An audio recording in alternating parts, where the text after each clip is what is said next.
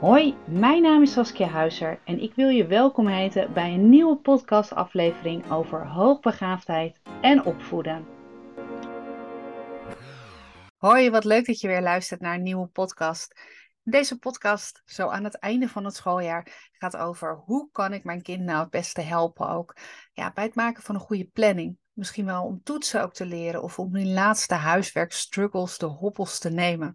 Want het schooljaar, het einde van het schooljaar is in aantocht. En misschien merk je ook bij jouw hoogbegaafde kind dat het leren toch niet zo vanzelfsprekend gaat. En dan helpt eventueel mooi weer ook natuurlijk niet mee om je dan misschien wel wat langere tijd te focussen op een boek, zodat je nou, uiteindelijk de leerstof goed kan ehm, tot je kan nemen. En uiteindelijk natuurlijk ook nog, is het ook nog een mooie bijkomstigheid. En dat wil natuurlijk bijna ieder kind ook nog een mooi resultaat te halen.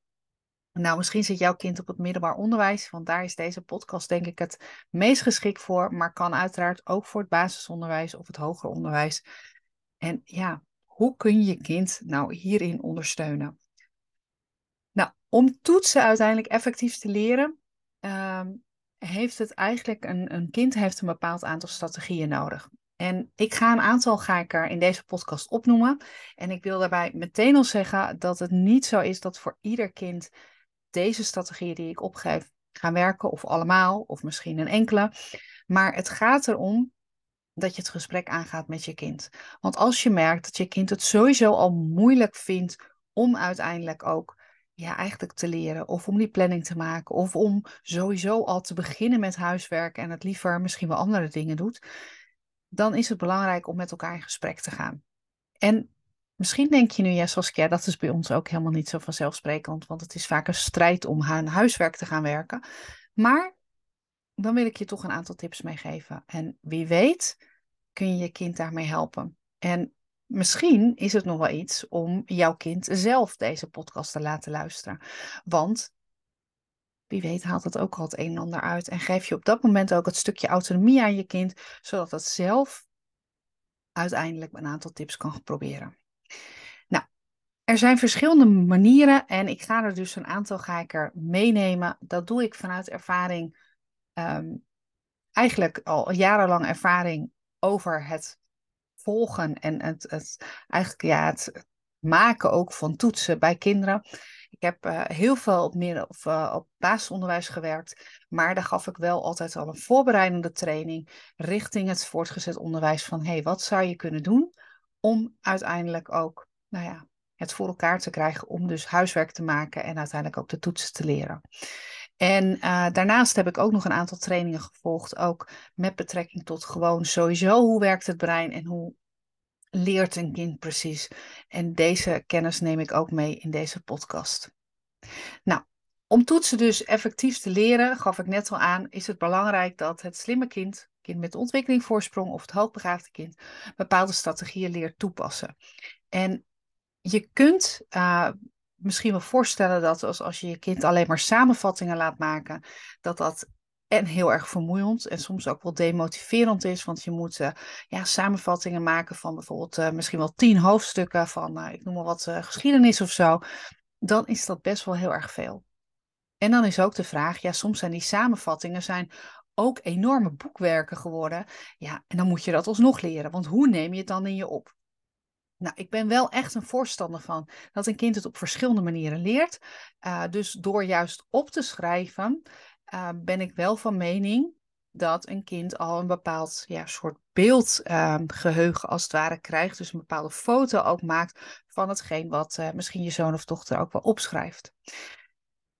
Maar om iets tot je te nemen, moet je vaak op verschillende manieren moet je het eigenlijk ook iets gaan leren. En een van de manieren die zou kunnen helpen, en ik zeg ook zou kunnen helpen, want het is echt heel verschillend bij kinderen, maar is ook wel door het maken van een mindmap. In plaats van een samenvatting maken en alles uiteindelijk uit een hoofdstuk ja, te arceren of nou ja, te highlighten, te, te benoemen of over te schrijven, dat is best veel werk. En ik denk dat het veel sneller kan, en dat heb ik ook ervaren ook, uh, dat als je een mindmap maakt, of een diagram of een grafiek. Maar eigenlijk door juist wel te scannen, dus wel te leren samenvatten, ergens te scannen van hé, hey, wat is nou het belangrijkste in dit hoofdstuk? En om daar een mooi overzicht van te maken. Per paragraaf raad ik eigenlijk altijd aan. En dan een soort mindmap maken en dan uiteindelijk kijken, hé, hey, wat zijn de verbanden nou tussen al die takjes die die mindmap heeft? En op het moment dat je jezelf, je kind ook leert vragen stellen ook daarover, over die tekst, dus dat kan hij of zij zelf doen. Dat zou eventueel, zou, uh, zou jij dat kunnen doen om te overhoren misschien. Maar dan worden er vragen gesteld over de tekst. Ondertussen heeft je kind het visueel inzichtelijk gemaakt. En dat allemaal bij elkaar helpt ervoor om het op een, ja, op een goede manier ook in het geheugen op te slaan. En voor veel kinderen die uh, slim zijn, uh, zijn vaak ook wel beelddenkers ook, helpt het ook om iets visueel te maken. Dus door bijvoorbeeld nog een tekeningetje erbij te maken. Het hoeven allemaal geen kunstwerken te zijn. Vooral niets doen met, het hoeft allemaal niet met allemaal kleurtjes of zo. Kan wel. Soms vinden kinderen het heel fijn om juist per onderwerp, als er uh, meerdere onderwerpen in een paragraaf besproken worden, om meerdere kleurtjes te gebruiken. Maar het is niet essentieel. Het is niet, nogmaals, dat iemand een hoofdprijs krijgt voor de mooiste mindmap of in visuele ondersteuning. Ik ga zo direct ga ik ook uitleggen welke vragen je ook uiteindelijk aan een kind kan stellen of welke vragen voor het kind helpend kan zijn om uiteindelijk ook toe te passen. Maar ik had het net al over die samenvattingen. En die samenvattingen maken kost enorm veel tijd. En ik hoor wel eens van ouders, oh, mijn kind zit echt de hele dag boven, Saskia. Die, die komt thuis, gaat misschien heel even wat lekkers eten of even, even een kort relaxen en gaat daarna aan de slag. En gaat door tot het eten, tot het avondeten. Gaat daarna na het avondeten weer door en voordat je het weet is het negen uur en heeft zijn kind helemaal uitgeblust en die kan eigenlijk niet meer. Wat dan? Nou, sowieso wil ik iets uitleggen over de Pomodoro-techniek. En misschien Ehm, heb je er wel eens van gehoord, maar de Pomodoro-techniek is eigenlijk een manier van je tijd indelen voor uh, je huiswerk of toetsen leren. En dat betekent eigenlijk dat uh, Pomodoro is dat je eigenlijk vier blokken van 30 minuten gebruikt. Dus die zijn in totaal dus twee uur. Twee uur aan je huiswerk besteed. Dat zijn wel effectieve minuten. Dus niet minuten dat je even van de wandel gaat of weer een glasje water pakt of even naar de wc gaat. Nee, dat zijn effectieve minuten. En die vier blokken van ieder 30 minuten, die bestaan uit 25 minuten dat er echt, nou ja, aan huiswerk gezeten wordt. Uh, of aan toetsen leren. Onder huiswerk versta ik, dat wil ik nog even duidelijk maken. Huiswerk maken kan dus ook het leren zijn voor een toetsweek of voor iets anders. Maar het gaat erom dat er uiteindelijk gewerkt wordt eigenlijk voor iets van school. 25 minuten worden effectief gewerkt en een kind neemt dan 5 minuten pauze. En die 5 minuten is ook echt maar 5 minuten. Mijn intentie is ook, of tenminste wat ik altijd overbreng ook aan kinderen, is om in 5 minuten de wekker te zetten. En als die afgaat, dan ga je ook weer zitten. En misschien zul je nu denken, ja, waarom nou precies die 5 minuten? Nou, dat ga ik je uitleggen je hersenen willen soms ook heel even rust hebben. Heel even, ja, die mogen even iets anders doen. Alleen als je langer dan vijf minuten iets gaat doen, dan gaan ze zeg maar uit het ritme van het leren. En voordat het dan weer, voordat je dan weer in het ritme gaat komen om uiteindelijk te gaan leren, is dat, zit daar best wel een lange tijd in. En laatst kreeg ik een vraag van een jongen en die zei: Saskia, ik wil gewoon heel even gamen. Ik wil even mijn game afmaken. En als het dat game over is, dan wil ik doorgaan. En ik heb toen een proefje met hem gedaan. En hij heeft dat toen gedaan. En uiteindelijk duurde het volgens mij elf minuten. En toen zei hij, nou ja, elf minuten is toen niet erg. Dan ga ik toch nog weer even wat langer door zo direct. Maar toen heb ik hem geobserveerd. En toen zag hij na die elf minuten, zei hij... Oeh, ik had nu wel heel veel meer tijd nodig om erin te komen. We hadden namelijk een proefje gedaan. We hadden vijf minuten pauze een keer gedaan. En elf minuten pauze. Omdat dan, daarna was zijn game over. Met vijf ging hij er zo weer in. En toen had hij ook heel even gegamed. Hij ging er zo weer in. Het lukte hem weer om in de stof te komen. En blijkbaar na elf minuten was dat weg. En dat is ook een beetje de tijd tussen die vijf en zeven minuten dat je brein als het ware, nou dan kan hij zich nog herinneren als het ware, of echt actief herinneren van hé, hey, wat is er nu precies uh, aan de hand geweest, wat hebben we hiervoor besproken. En daarna gaat je brein als het ware wat meer afstand nemen. Je kunt je misschien wel voorstellen, als een kind dan weer terugkomt na die elf minuten, dan kost het best wel heel wat tijd om er weer opnieuw in te komen. In het ritme van, oh ja, focussen, leren eh, en om je ergens ook aan te houden.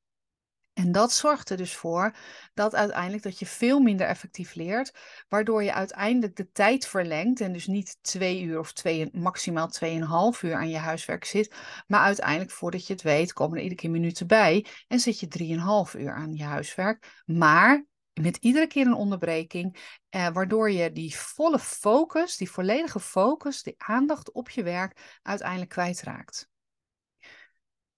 En ehm, dit is ook wetenschappelijk onderzocht dat echt vier blokken van dus die 30 minuten en dan dus waarvan dus 25 minuten effectief werken en dan ook echt full focus, telefoon aan de kant of uit je kamer leggen of uh, helemaal niet in de buurt of geen uh, meldingen binnenkrijgen op je pc of whatever, wat precies voor jouw kind zeg maar uh, passend is. En dan vijf minuten.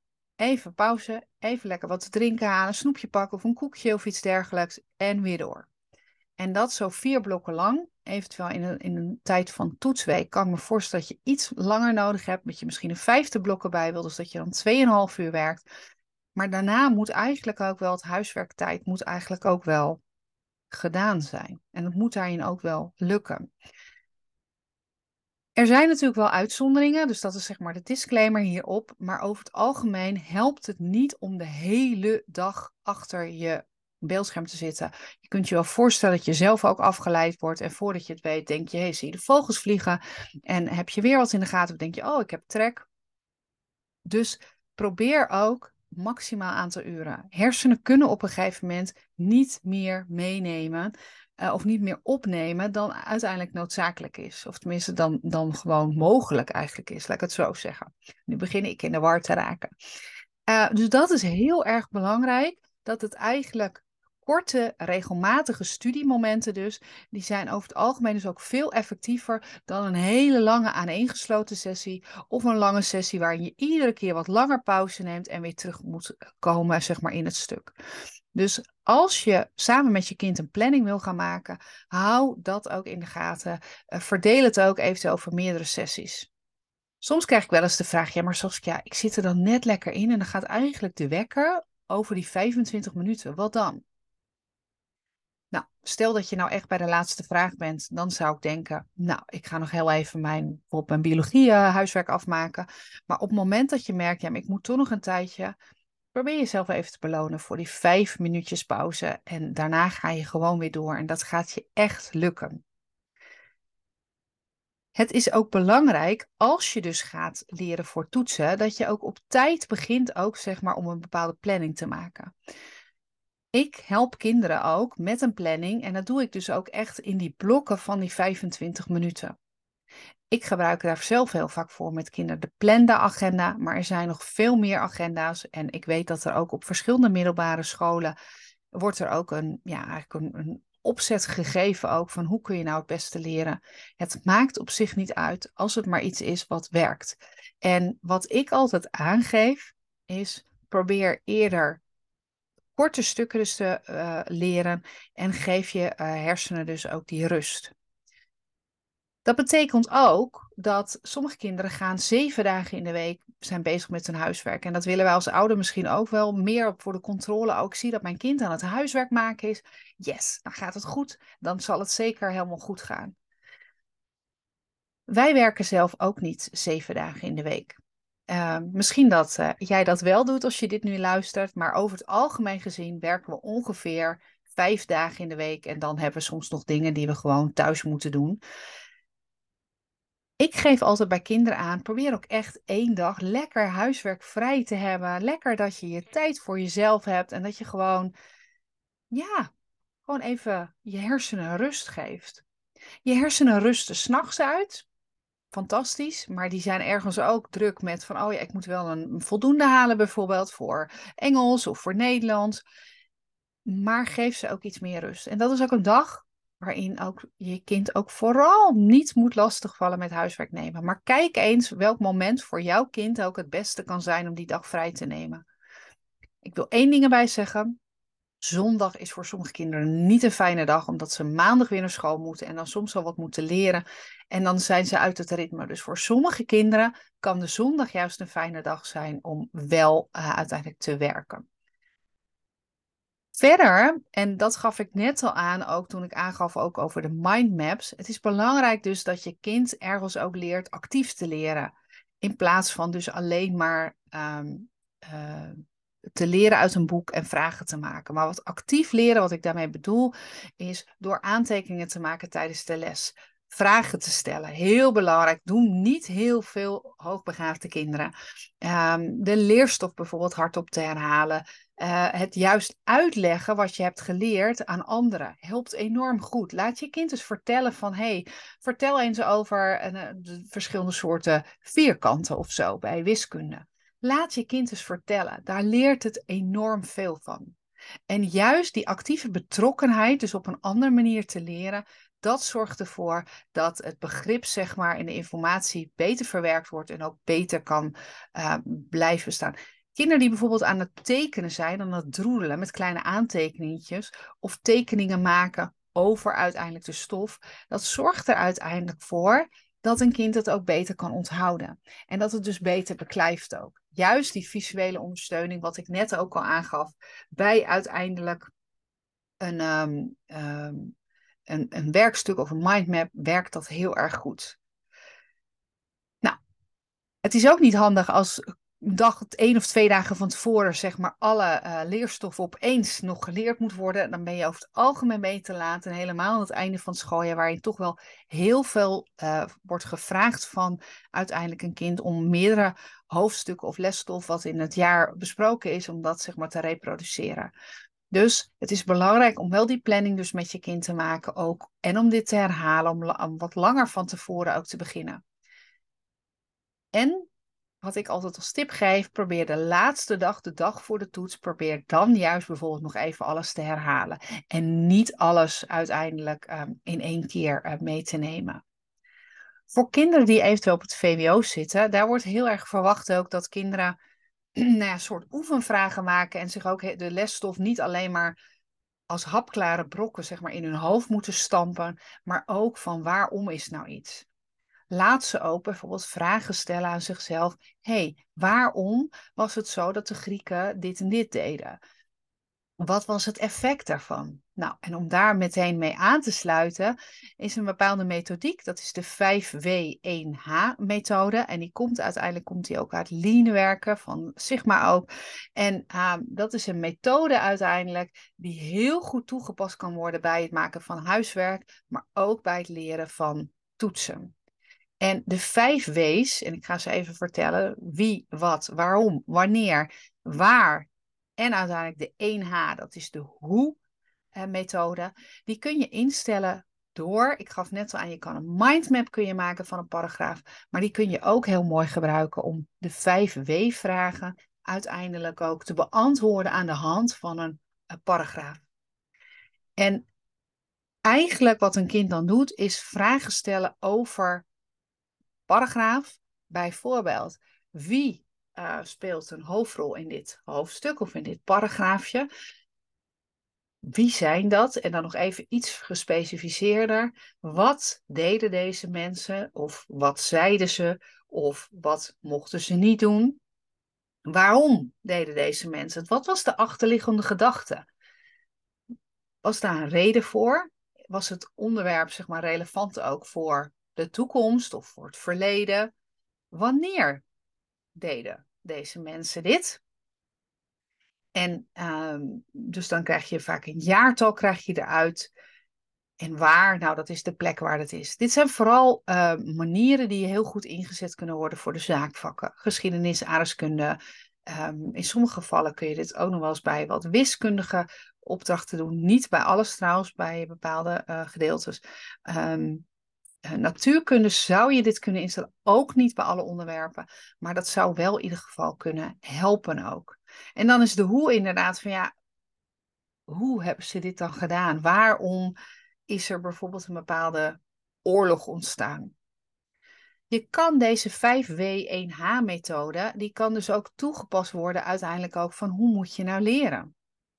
En als ik dan kijk en ik neem ze even uh, los door, bij bijvoorbeeld de wie, kun je vragen van, hey, welke mensen zijn er betrokken bij dit leerproces? Wie uh, moet dit doen? Nou, in dit geval kom je vaak als, als uh, jouw kind dit zelf voor zichzelf neerzet, dan kom je vaak op de eigen rol uit. Maar um, als je dan weer kijkt naar wat, dan is het heel belangrijk van, hey, wat moet ik nou precies leren? Wat zijn mijn leerdoelen? Wat zijn de onderwerpen die ik nou precies moet beheersen? En dan kan je kind een lijstje maken van de belangrijkste doelen, bijvoorbeeld bij het vak Nederlands, wat hij of zij moet leren, of termen of vaardigheden die er begrepen of uh, beheerst moeten worden. Waarom? Daarbij kan je kind misschien de vraag afstellen van, hé, hey, waarom is het nou onderwerp zo belangrijk om te leren? Waarom zou ik deze kennis of vaardigheden nou precies nodig hebben? En misschien kan je kind ook nadenken waarom het onderwerp bijvoorbeeld relevant is ook. Waarom zou ik moeten weten wat er in de Eerste Wereldoorlog gebeurd is? Op het moment dat je kind daar antwoord op geeft, gaat er ook meer, nou ja, wordt het doel beter bekend. Dat is sowieso iets wat bij hoogbegaafde kinderen of kinderen met een ontwikkelingsvoorsprong altijd enorm goed kan helpen. Waarom doe ik dat? Oh, dat heeft ermee te maken dat dit en dit. En dan gaat voor je kind gaat het ook het onderwerp meer leven. Het gaat meer, ja, het gaat meer, um, uh, ja, zeg maar iets, iets meer in gang brengen van, oh ja, het is echt wel heel belangrijk. Het geeft als het ware een soort motivatie ook. Nou, in het geval wanneer, we hebben het nu, um, je kan dit, deze methode, methodiek dus inzetten uiteindelijk voor om een vak te leren, maar dus ook om te kijken van, hé, hey, hoe moet ik dat nou leren? Nou, wanneer ga ik nou bijvoorbeeld voor Nederlands leren? Maak een rooster. Maak gebruik van de Pomodoro-techniek ook. Laat je kind deadlines bijvoorbeeld stellen om bepaalde delen van of bepaalde paragrafen of hoofdstukken te bestuderen of juist om opdrachten te maken. Hierdoor geef je zelf die verantwoordelijkheid aan je kind als het zelf dus ook een planning maakt. En het wordt ook veel gestructureerder ook gedaan.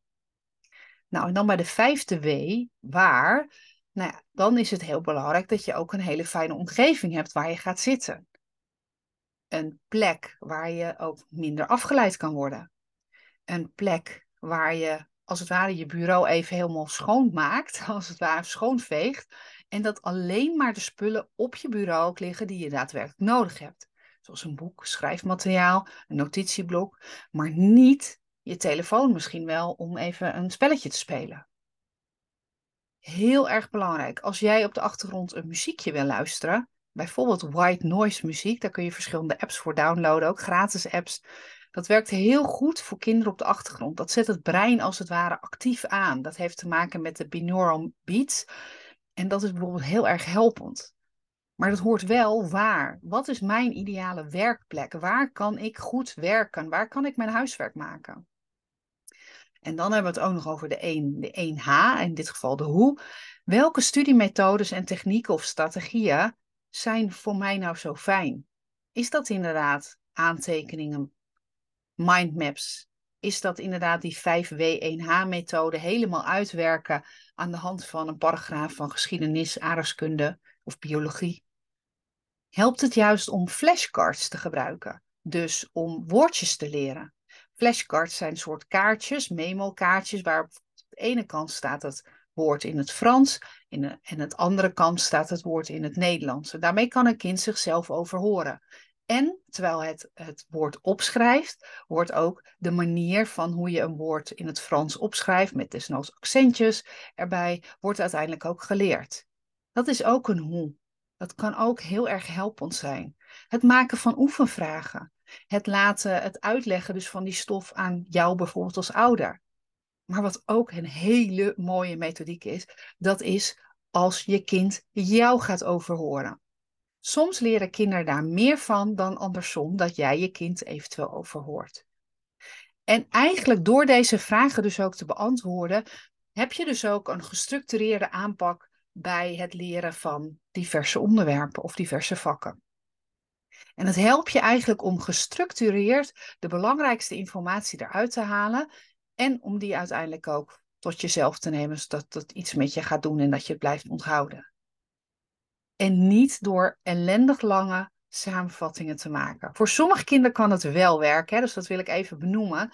Maar naarmate de boeken dikker worden en op een gegeven moment een kind op de universiteit zit, dan kun je geen samenvattingen meer blijven maken van boeken bijvoorbeeld van duizend kantjes. Dat, dat lukt gewoon niet, die tijd heb je niet. Je moet er snel doorheen. Dus je moet gewoon snel ook dingen tot je nemen en voor jezelf oefenvragen stellen. En juist die oefenvragen, die leren je om heel gestructureerd en op een snelle manier uiteindelijk de stof tot je te nemen.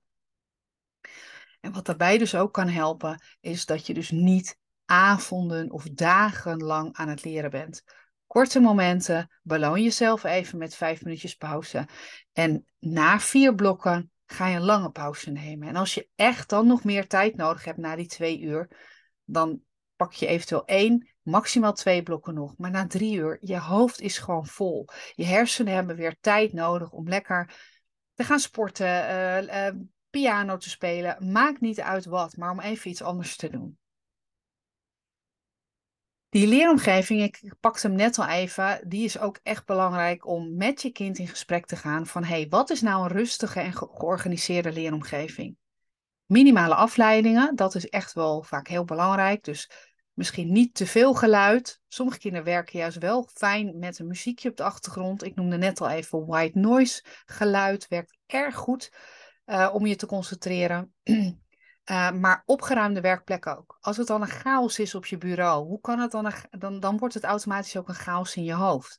Als het rustig is in je werkomgeving, dan kun je ook veel meer rust ervaren ook om je huiswerk te gaan maken. Dus dat zijn ook belangrijke punten. Een paar aantekeningen, of een paar eigenlijk extra tips misschien. Voor sommige kinderen kan het helpen als ze kauwgom in hun mond hebben. Uh, kauwgom zorgt ervoor dat de hersenen als het ware constant bezig zijn met het kauwen van kauwgom of eventueel van een mentosje of een ander snoepje. En daardoor hebben ze minder kans om als het ware nou ja, op reis te gaan, zeg ik wel eens tegen kinderen, om minder lang uh, na te denken van, oh ja, ik moet ook nog, morgen moet ik nog even een cadeautje kopen voor die en ik moet nog even naar de Hennis en Maurits om een nieuw shirtje te kopen. Nee, het helpt je om afgeleid te worden. Dat zijn ook uh, of om de hersenen eigenlijk af te leiden. Kneedgum is ook zoiets, een stukje klei in de handen, uh, een um, uh, van die um, squeezies en zo. Al dat soort dingen helpen je kind uiteindelijk ook om zich juist te focussen. Terwijl jij misschien denkt van ja, waar is mijn kind mee bezig? Tikken, wiebelen, het kan echt helpen. Sommige kinderen is het juist fijn om op een wiebelstoel of een draaistoel te zitten. Check het eens. Bespreek het ook met je kind, want je kind weet vaak heel goed waar het tegenaan loopt. Vraag ook eens, wat vind jij moeilijk als je moet leren? Waar loop je tegenaan? Zou je juist iets willen veranderen aan jezelf? En wat zou je dan willen veranderen? Nou, als een kind dan bijvoorbeeld zegt van ja, ik, uh, ik uh, merk gewoon de hele tijd dat ik lijstjes in mijn hoofd heb van oh, wat allemaal moet doen. Nou, dan kun je misschien met elkaar gaan bekijken van hey, als je kind constant een to-do-lijstje heeft terwijl het eigenlijk moet leren, ja, dan kun je niet leren. Wat zou dan bijvoorbeeld helpend kunnen zijn om dat to-do-lijstje bijvoorbeeld op uh, papier te zetten of met post-itjes op een planbord te doen of weer iets anders? Het is zo fijn om dat even met elkaar te bespreken in plaats van dat je een soort politieagent wordt in huis. Je moet wel in je huiswerk zitten. En geef je kind ook het vertrouwen dat je ook ziet dat hij of zij ook echt haar uiterste best doet. En op het moment dat je daar een beetje anders over denkt, probeer een kind ook te supporten. Want deze periode, zeker net voor de zomervakantie, als het warm weer is en je moet leren, en ondertussen hoor je iedereen buiten spelen of denk je, oh, het is het warm, het is niet gemakkelijk. Ik hoop dat je iets aan deze tips hebt. Ik ben heel erg benieuwd. Um, mocht je zelf nog tips eraan toe willen voegen, geef ze door aan mij. Dan kan ik in de volgende podcast, want dit is wel een podcast die vaker, denk ik, terug gaat komen. Net als op de basisschool, het maken van CITO-toetsen of van andere toetsen. Dat komt vaker terug. Uh, laat het me weten. Ik vind dat super fijn uh, als je het wilt delen. Daar ben ik heel erg blij mee. Dankjewel voor het luisteren en uh, tot snel.